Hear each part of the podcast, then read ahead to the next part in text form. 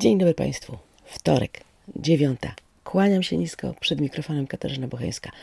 Dzisiejszy felieton, no cóż, i będzie dowodem na to, Szanowni Państwo, że w różnym wieku dorastamy do różnych idei i że się zmieniamy, że ewoluujemy. No i że krótko mówiąc, dojrzewamy. Dojrzewamy również mentalnie i światopoglądowo.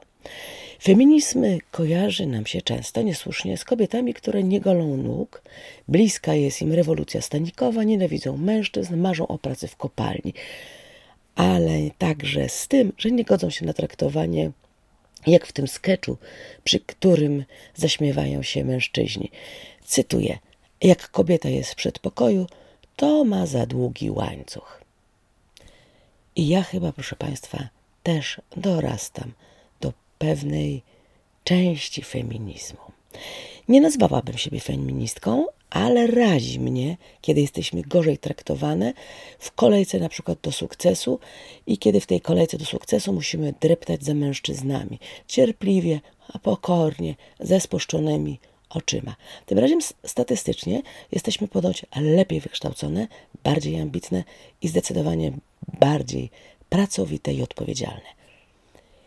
Razi mnie, kiedy w drodze po pracę przegrywam, bo reprezentuję płeć taką, jaką reprezentuję i słyszę na przykład w odpowiedzi, ależ jest pani pracownikiem kategorii B. Naprawdę tego pani nie rozumie? Kiedy w rozmowie o wynagrodzeniu pyta się mnie ze zdziwieniem, ale dlaczego pani chce dobrze zarabiać? Przecież nie jest pani głową rodziny. Wkurza mnie, kiedy upycha się nas w parytetach tylko dla poprawności politycznej. No wie pani, no muszę zatrudnić połowę kobiet. No nie jestem z tego powodu szczęśli- szczególnie szczęśliwy.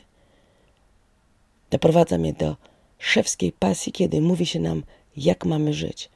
No ale kobieto, kobieto, twoją powinnością jest rodzenie i wychowywanie dzieci. I mam dość słuchania, że ktoś chce decydować o mnie, za mnie i krótko mówiąc, wie lepiej, czego w życiu potrzebuje. Nie znoszę, kiedy się nas szablonuje i etykietuje.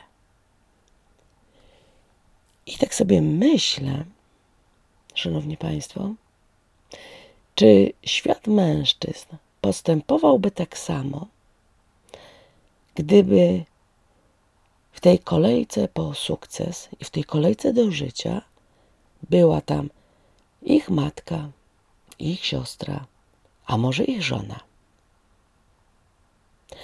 I teraz, Szanowni Państwo, prawie jak w filmie, napisy końcowe. A brzmią tak. Wszelkie podobieństwo jest niezamierzone, a przykłady, no cóż, w stu procentach prawdziwe. Opada kurtyna. Miłego dnia, panowie.